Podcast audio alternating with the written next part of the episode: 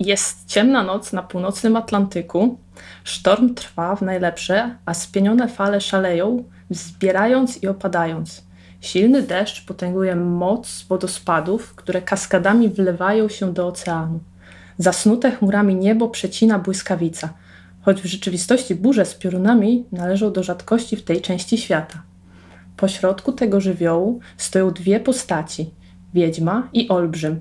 Znajdująca się po lewej stronie wiedźma ma posępną twarz, na której rysuje się skupienie. Nos ma nieproporcjonalnie wielki, a oczy głęboko osadzone i smutne. Jej włosy związane są w dwa warkocze, wśród których dostrzec można metalowe ozdoby. Olbrzym natomiast jest wściekły, zaś warunki atmosferyczne wydają się potęgować jego furię. Twarz ma pokrytą gęstą siatką zmarszczek i blizn, nos ma nienaturalnie wielki, podobnie jak jego żona, a wygięte w grymasie usta odsłaniają ostre zębiska. Olbrzym charakteryzuje się również rozbudowaną muskulaturą i nieproporcjonalnie wielkimi łapami. Owe małżeństwo troli przygotowuje się do wykonania niełatwego zadania. Jeszcze nie wiedzą, że to jest misja samobójcza. Cześć, tu Agnes, Ania, Emiliana i Kinga. Słuchacie podcastu Elfy i Trolle, w którym opowiadamy mniej znane legendy i podania z dalekiej północy. Zabierzemy Was do Norwegii, na Islandię i Wyspy Owcze, by podtrzymać tradycję nordyckiej wieczornej gawędy. Więc zaczynamy. Zapraszamy.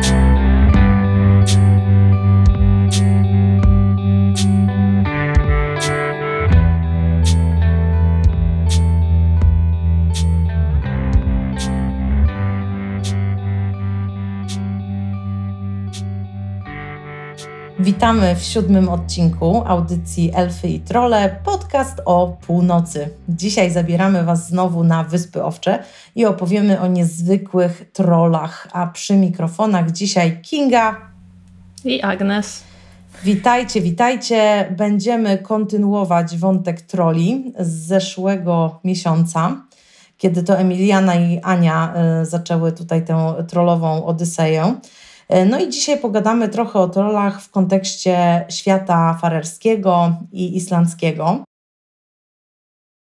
Zadałam sobie tutaj takie podstawowe pytanie: dlaczego trolle zamieniają się w kamienie pod wpływem światła? E, czy, czy to jest jakaś, jak, jakaś reguła, czy jest wręcz jakiś wyjątek, który tę regułę potwierdza? I znalazłam taki wyjątek, mianowicie znalazłam wyjątek w świecie Tolkiena. E, ponieważ tam pojawiają się trole zmutowane, stworzone przez e, złowrogiego Saurona i te trole nazywają się Ologhai. I rzeczywiście one są odporne na światło słoneczne, ale inne trole już nie są. I po prostu zastanawiało mnie, dlaczego, dlaczego tak jest. No ale ty mówisz, że na Islandii są trole odporne na promienie. No tak, to zależy właśnie, bo jest gatunek troli, które nazywają się Night Troll i no, są to nocne trole, więc jeżeli padnie na nie światło słońca, no to zamienia je automatycznie w kamień. No ale są też półtrole, czyli potomkowie ludzi i troli. I tutaj chyba ta reguła już nie do końca działa, ponieważ no wiadomo, mają trochę genów ludzkich i trolicznych. Trolicy. No ciekawa, ciekawa jest również informacja, że trole tak teoretycznie powinny być nieśmiertelne, ale tak naprawdę ich dni są policzone z przyczyn prozaicznych, ponieważ one cały czas rosną, rosną, zwiększają swoją objętość i, i masę, i rzeźbę, i masę. E, I w związku z tym albo nie są w stanie już utrzymać naporu własnego ciężaru i po prostu łamią im się kości, albo są tak wielkie, że nie wiedzą, nie mają gdzie już się schować i wówczas właśnie dopadają je promienie, promienie słoneczne. Także niby są nieśmiertelne, ale tak naprawdę to, to z przyczyn fizjologiczno, jakichś tam meteorologicznych są śmiertelne. No i są uważani co? Za rasę starszą od ludzi, prawda? W przeciwieństwie do tak. elfów też nie mają żadnej wiary, czyli nie należą do żadnego kościoła, nie budują kościołów, nie znoszą psalmów i nie znoszą dźwięku dzwonów kościelnych. No właśnie, tutaj chciałabym zauważyć, że e, jest legenda na Wyspach Owczych, która związana jest z trolicami i podkreśla właśnie niechęć troli do religii, kościoła i tak dalej. Może tutaj na szybko ją przytoczę, ponieważ jest to e, historia, która ma związek z trolicami z wyspy Voar. To jest wyspa, gdzie współcześnie znajduje się farerskie lotnisko. I ta legenda opowiada o pasterzu y, z Sondum, który pewnego dnia jechał sobie konną, żeby doglądać y, swoich owiec. No i po drodze natknął się na sukienkę, która leżała na skale tam przy jeziorze Fiatlawatn. Y, suknia była bardzo taka bogato zdobiona, była obszyta perłami, te perły pięknie lśniły w słońcu. No i ten zauroczony pasterz uznał sukienkę za porzuconą i zabrał ją po prostu sobie pod pachę i zaczął powoli wracać do domu. Jednak nie wiedział on, że suknia była własnością pewnej trolicy, która mieszkała właśnie w okolicy jeziora Fiatlawatn i gdy trolica pojawiła się nad brzegiem, zobaczyła, że nie ma jej sukienki. I ze skupieniem zaczęła wodzić wzdłuż horyzontu, dostrzegła tego nieszczęsnego pasterza, ale trolica była kaleką i nie była w stanie rzucić się za pasterzem w pogoń. W związku z tym krzyknęła tylko przez jezioro do swojej siostry, że przebiegły pasterz ukradł jej sukienkę, ale nogi ma kalekie i nie może biegać. No i to właśnie siostra tej trolicy, również trolica, ruszyła w pogoń za pasterzem. Pasterz w sumie niczego się nie spodziewał, zatrzymał się przy strumieniu, żeby konia swojego napoić i gdy zauważył dopiero, że goni go wściekła trolica, dosiadł rumaka, ruszył galopem w stronę wsi Miwawur, no ale trolica go dopadła, e, złapała jego konia, w ogóle oderwała mu ogon, to też takie jest brutalne.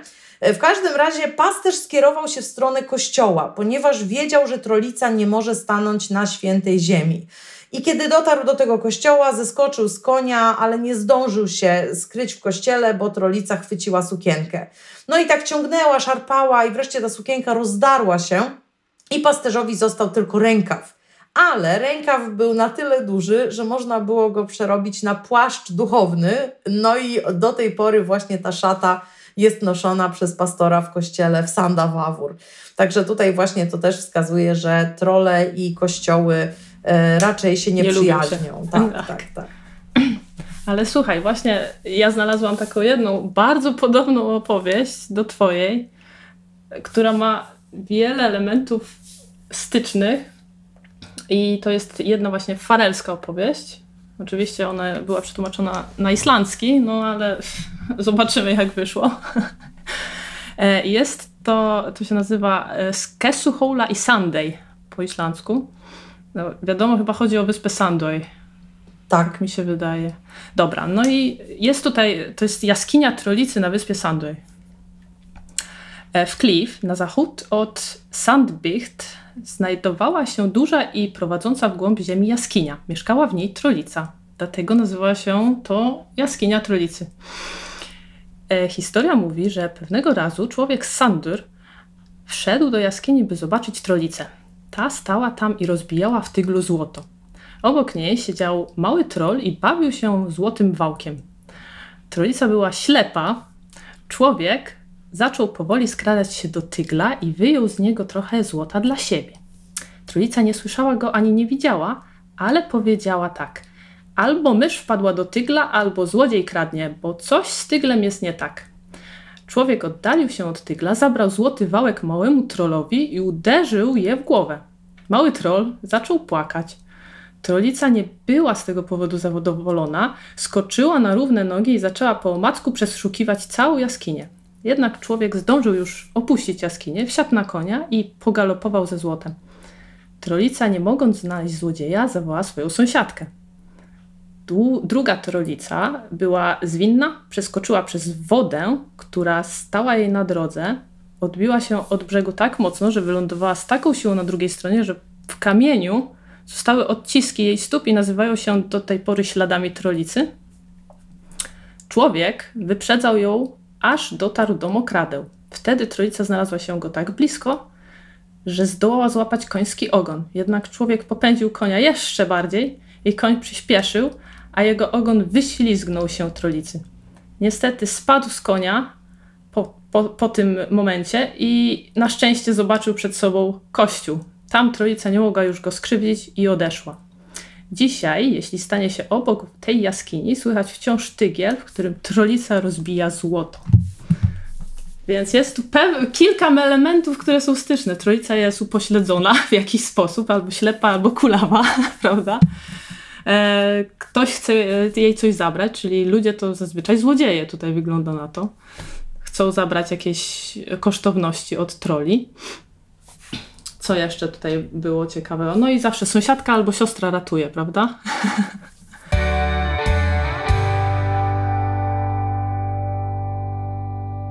Tak jest. I zacznijmy właśnie od dzisiejszego dzieła. Y, dzieło wybrałam ja i chciałam powiedzieć, że wybrałam pracę stosunkowo młodą i stosunkowo młodego artysty farerskiego. On się nazywa e, Alan Korsager Davidson, w sumie ten Corsair po duńsku, no ale to farer, więc niech będzie Korsagerem. E, no i tak naprawdę jest to praca bardzo komercyjna, ponieważ on ją wykonał e, na zlecenie Visit Faroe Islands, czyli farerskiej organizacji turystycznej, ale uważam, że ona pięknie, pięknie oddaje ducha legendy, którą obrazuje. No więc o jakim dziele dzisiaj mówimy? Co tam widać? A więc jest ciemna noc na północnym Atlantyku. Sztorm trwa w najlepsze, a spienione fale szaleją, zbierając i opadając. Silny deszcz potęguje moc wodospadów, które kaskadami wlewają się do oceanu. Zasnute chmurami niebo przecina błyskawica, choć w rzeczywistości burze z piorunami należą do rzadkości w tej części świata. Po środku tego żywiołu stoją dwie postaci wiedźma i olbrzym Znajdująca się po lewej stronie wiedźma ma posępną twarz, na której rysuje się skupienie. Nos ma nieproporcjonalnie wielki, a oczy głęboko osadzone i smutne. Jej włosy związane są w dwa warkocze, wśród których dostrzec można metalowe ozdoby. Olbrzym natomiast jest wściekły, zaś warunki atmosferyczne wydają się potęgować jego furię. Twarz ma pokrytą gęstą siatką zmarszczek i blizn, Nos ma nienaturalnie wielki, podobnie jak jego żona, a wygięte w grymasie usta odsłaniają ostre zębiska. Olbrzym charakteryzuje się również rozbudowaną muskulaturą i nieproporcjonalnie wielkimi łapami. Owe małżeństwo troli przygotowuje się do wykonania niełatwego zadania. Jeszcze nie wiedzą, że to jest misja samobójcza. Wow, Mocne, prawda? Mocne. Mocne. Mocne wejście. I rzeczywiście ten dosyć ponury, posępny obraz bardzo dobrze oddaje ducha legendy. Legendy o właśnie Wiedźmie i Olbrzymie, czy właściwie Olbrzymie i Wiedźmie, ponieważ legenda mówi Risen o Chetlingen. E, no i w ogóle, co tam, co tam się wydarzyło? Co tam się wydarzyło? Tutaj od razu wyjdziemy od tego, że e, Wyspy Owcze mają jakiś niewyjaśniony konflikt z Islandią i ja nie wiem, co Islandia miała tutaj do nas, że parokrotnie próbowała zawłaszczyć sobie Wyspy Owcze i przesunąć je w stronę Islandii. Ja wiem, że my jesteśmy mali i, i tacy niepozorni, ale tutaj jest ewidentnie jakiś taki kompleks Islandii, która próbuje te owcze przejąć. I tak właśnie, było, tak właśnie było tym razem, ponieważ to w jakichś tam bardzo już dawnych czasach Islandia zdecydowała, że chce przejąć władzę nad Wyspami Owczymi i przyciągnąć je do islandzkich brzegów. No i właśnie wykonanie tego zadania powierzono Olbrzymowi i Wiedźmie. Niektórzy tutaj podejrzewają, że przyczyną całego przedsięwzięcia była fatalna islandzka pogoda i niby Wyspy Owcze miały trochę lepszą pogodę przywieźć na Islandię, ale tutaj coś mi się nie zgadza, bo zazwyczaj pogoda jest u nas równie kiepska. W każdym razie ta para przemierzyła wzburzony ocean, aż dotarła do północnych brzegów Wysp Owczych, konkretnie do wyspy Esturoj e, i do miejsca zwanego dzisiaj Oiskotler. Wiedźma czym prędzej wspięła się na szczyt góry i obwiązała go liną, a tymczasem olbrzym stał u podnóża góry, zbierał siły i przygotowywał się do ciągnięcia. No ale zadanie okazało się trudniejsze niż zakładali, bo nieważne jak mocno wiedźma napierała z góry i nieważne jak olbrzym się tam siłował z dołu, no to wyspy ani drgnęły. E, ostatecznie wysiłki Olbrzyma i Wiedźmy doprowadziły do tego, że skały zaczęły pękać i podobno wśród miejscowych formacji skalnych do dzisiaj można znaleźć miejsce, w którym Wiedźma przewiązała tę pierwszą linę. E, w każdym razie po pewnym czasie Wiedźma spróbowała szczęścia w innym miejscu, ale ponownie wysiłki spełzały na niczym, no i trole siłowały się z tymi skalistymi brzegami Wysp Owczych przez całą noc, próbowały wypełnić to niełatwe, powierzone im zadanie. E, I niestety nieuchronne nadejście dnia stanowiło zagrożenie dla tych islandzkich stworów, ponieważ promienie słoneczne były dla nich zabójcze. No i wiedźma, widząc wschodzące słońce, zeskoczyła ze szczytu góry wprost do oceanu, by być razem ze swoim mężem. I na ich nieszczęście w tej właśnie chwili dosięgły ich pierwsze wiązki światła słonecznego i wystarczyło zaledwie kilka minut, aby para zmieniła się w kamienie. I te kamienie rzeczywiście znajdują się e, w tej części Wysp Owczych do dzisiaj, stanowią atrakcję turystyczną. Można je zobaczyć e, zarówno e, z drogi, która wiedzie przez góry pomiędzy miejscowościami Jack i Oje. Tam jest nawet zrobiony taki, taki podest, taki placyk, wręcz lunetę nawet postawiono a także pod zupełnie innym kątem można obejrzeć Risen i Chetlengen z wioski Czotnowujk. Tam pod zupełnie innym kątem one też inaczej wyglądają. E, no, ale, ale cały czas stoją, chociaż już mówi się, że wiedźma podobno ma się zawalić wskutek e, właśnie erozji i fal oceanicznych. No to jednak na razie te, dwa, te dwie iglice abrazyjne się trzymają, ale podobno ich dni są policzone. Mhm, mhm, mhm. Czyli to jest bardzo Natomiast ciekawe. ja mam jeszcze, mam jeszcze tutaj jedną legendę, która y, ma trochę podobny klimat jak właśnie Recent Chetlengen. Y, jest ona również związana z wyspą Wołar, czyli tak jak ten pasterz z Sondum. Y, I ta legenda wiąże się z formacją skalną. Chodzi tutaj o iglicę skalną zwaną palec wiedźmy, czyli Trot Konufingur. No i tutaj ta legenda głosi, że ten palec należy do wiedźmy, która przybyła z podobną misją co Rhysyn i Chetlingjin, mianowicie przybyła z Islandii, żeby czarami przenieść Wyspy Owcze w stronę Islandii. Czyli to też pokazuje, że siłą się nie udało, no to może czarami, czarami się, uda. Się uda. Tak, ale e, tutaj był podobny, podobny um, błąd, bo kiedy wiedźma dotarła do południowych brzegów wyspy Wołar, znowu pojawiło się słońce, wiedźma zamieniła się w kamień i wpadła do oceanu. I podobno była tak ogromna, że kiedy wreszcie opadła na dno morza, to tył jej głowy i palec znajdowały się nad powierzchnią i tył głowy to jest wyspa Koltur, a palec to jest właśnie wystający ten Trotkonfingur i rzeczywiście tam ta skała wygląda jak taki e, palec wiedźmy z takim jakimś reumatoidalnym zapaleniem stawów, coś takiego, taki, e, taki jest klimat. Także znowu mamy tutaj potwierdzenie, że Islandczycy ewidentnie mają jakiś problem e, i, i sobie te Wyspy Owcze chcą gdzieś tam zawłaszczyć.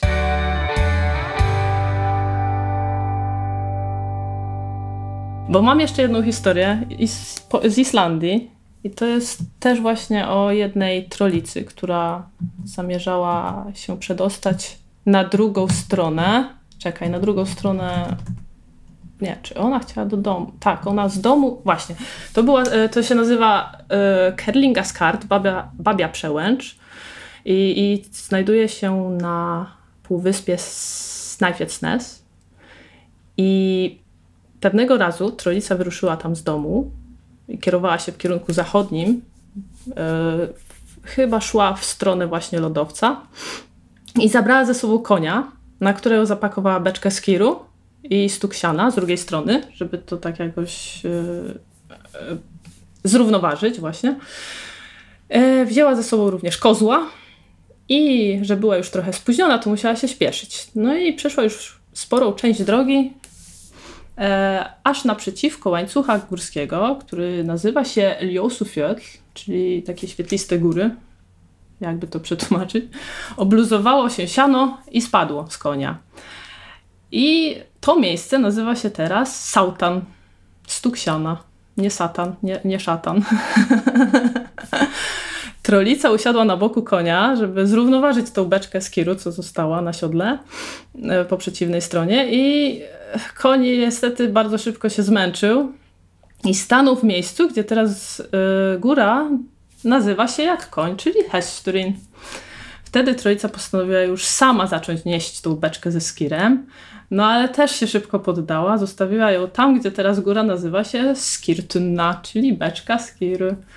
E, Trolica szła już wtedy tylko z kozłem. Niestety bardzo się śpieszyła i już niedługo miało zejść słońce, jednak w końcu zostawiła to, tego kozła przy tej górze, która od e, wtedy zaczęła się nazywać Haverin, czyli kozioł.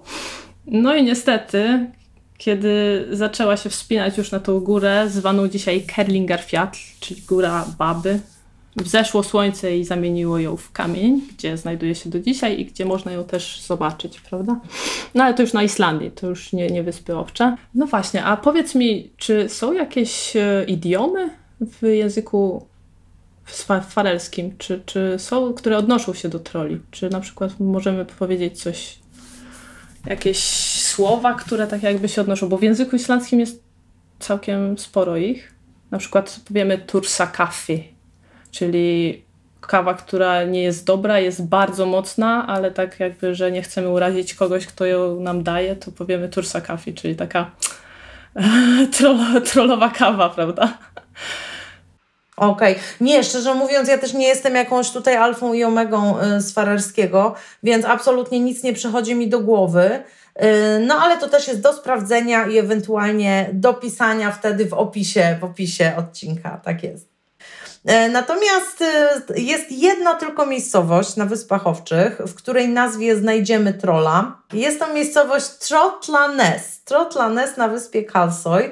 E, to jest jedna z najbardziej północnych miejscowości na, na Wyspach Owczych i sama nazwa oznacza przylądek trola. No i tutaj właśnie geneza tej nazwy nie jest przypadkowa, bo ponoć trole terroryzowały tę wieś i raz do roku urządzały sobie w tym miejscu właśnie imprezę. I przerażeni mieszkańcy uciekali do sąsiedniej osady, Mikladalur, a tymczasem trole szalały po wsi, y, śpiewały, hałasowały, wyjadały ludziom zapasy ze spiżarni. No i właśnie podczas jednego z takich najazdów mieszkanka Trotlanes nie zdążyła się ewakuować z pozostałymi mieszkańcami. E, skryła się zatem pod stołem, gdzie miała nadzieję przeżyć to całe trollowanie.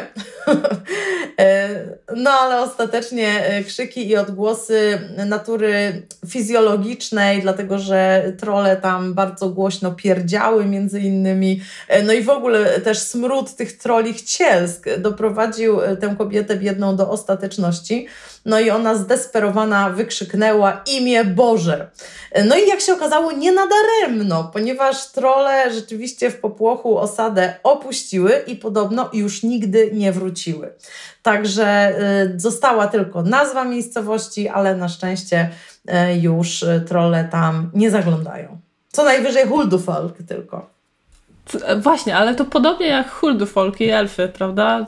Wszystko muszą przyjść od, w odwiedziny e, zazwyczaj w Wigilię i, i przejąć gospodarstwo, prawda? A ludzie muszą się ewakuować w tym czasie. I, i widocznie, i to jest widoczne bardzo w tym, w tym momencie, prawda? Że tutaj, ale one inaczej się też zachowują, prawda? No tak, tak. Tutaj tak, są tak, tańce tak, swawole, tak. a na przykład y, już elfy y, chcą mieć ślub, biorą ślub albo już y, mają takie spokojniejsze te uczty swoje.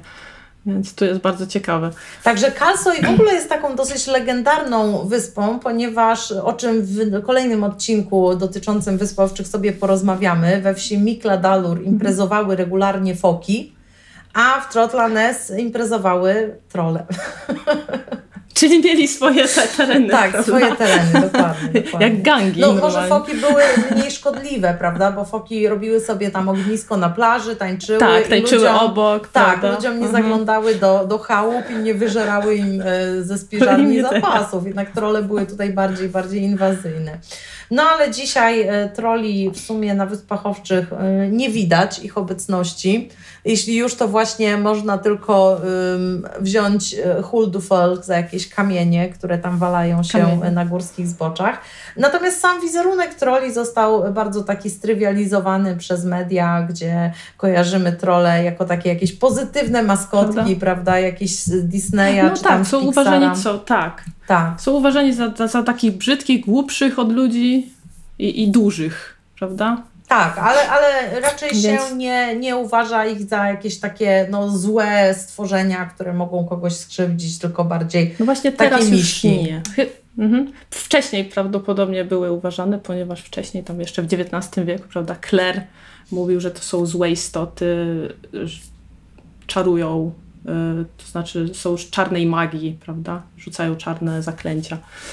No ale Więc chyba nie ma stworzeń z tego świata fantastycznego, które żyłyby dobrze z klerem, kościołem ogólnie, prawda? No Bo jednak nie. Nie, religia, nie. Zawsze, która zawsze jest y, generalnie przeciw magii, czarom i tak dalej, no nie może tutaj popierać tak. ani elfów, ani troli, ani wiedźm, żadnej postaci, ani huldufolk. Także tutaj ta kosa ale patrz, trwa. Dokładnie, dokładnie tak jak mówisz. No i jak one się wszystkie zmieniły w czasie, prawda? Najpierw, na początku były straszne, a później przeszły tak jakby, co nie wiem, jakiś etap i ludzie zaczęli je postrzegać jako przyjazne, prawda? I ciekawa jestem, ile, ile z tych skał, gór, iglic to tak naprawdę trole zamienione w kamienie. No właśnie, prawda? Jest to bardzo, bardzo ciekawe. Bo, Bo myślę, tak że może się... być ich więcej niż sobie mhm. myślimy. Dokładnie. I niektóre historie mogły już zaginąć w pomroce dziejów, prawda? No i tutaj też jest taka, yy, takie, takie badanie było gdzieś przeprowadzone, że trole zaczynały zanikać już w XVI wieku w historiach, już nie pojawiały się tak często, no a natomiast trolice w XIX wieku tak zmniejszała się ilość historii o trolach. No i teraz mówi się, że niestety trole wyginęły, ale czy to prawda, to, to nie, nie wiemy jeszcze, czy to jest prawda. Może się nie chcą pokazywać ludziom już. A czy, a czy Islandczycy wierzą w trole? W sumie? Tak jak chyba z elfami, czyli to bardziej już skomercjalizowane jest, prawda? Czyli i wierzą, i nie, ale bardziej chyba w elfy wierzą, bo elfy są takie delikatne, nieraz pomagają, mniej szkodliwe, mniej szkodliwe a, a trole jednak są duże, e, mieszkają też daleko od siedzib ludzkich, prawda? I, i trudno je znaleźć. A, a elfy jednak garną się do siedzib ludzkich i chcą w nich przebywać, lub pomagać albo psocić, prawda? Czyli też tutaj jest analogia elfy trole. E, tak jest. Tak no wygląda. cóż, myślę, że myślę, że tutaj e, temat jest w ogóle bardzo szeroki, także bardzo jeżeli, szeroki. jeżeli macie jakieś własne refleksje dotyczące troli, koniecznie podzielcie się z nami w komentarzach. E, pamiętajcie też, że dzisiejsze dzieło sztuki znajdziecie w grupie Sztuka Północy na Facebooku i tam możecie wziąć udział w dyskusji nad pytaniem, czy tak samo sobie wyobrażacie dzisiejszą historię, czy właściwie dzisiejsze historie. E, wszystkie informacje o najnowszych odcinkach i podcaście znajdziecie również na Facebooku i Instagramie Utulę Tule. E, do zobaczenia. Dziękujemy za dzisiaj. Dziękujemy. Więc hoj raz. Bless, bless.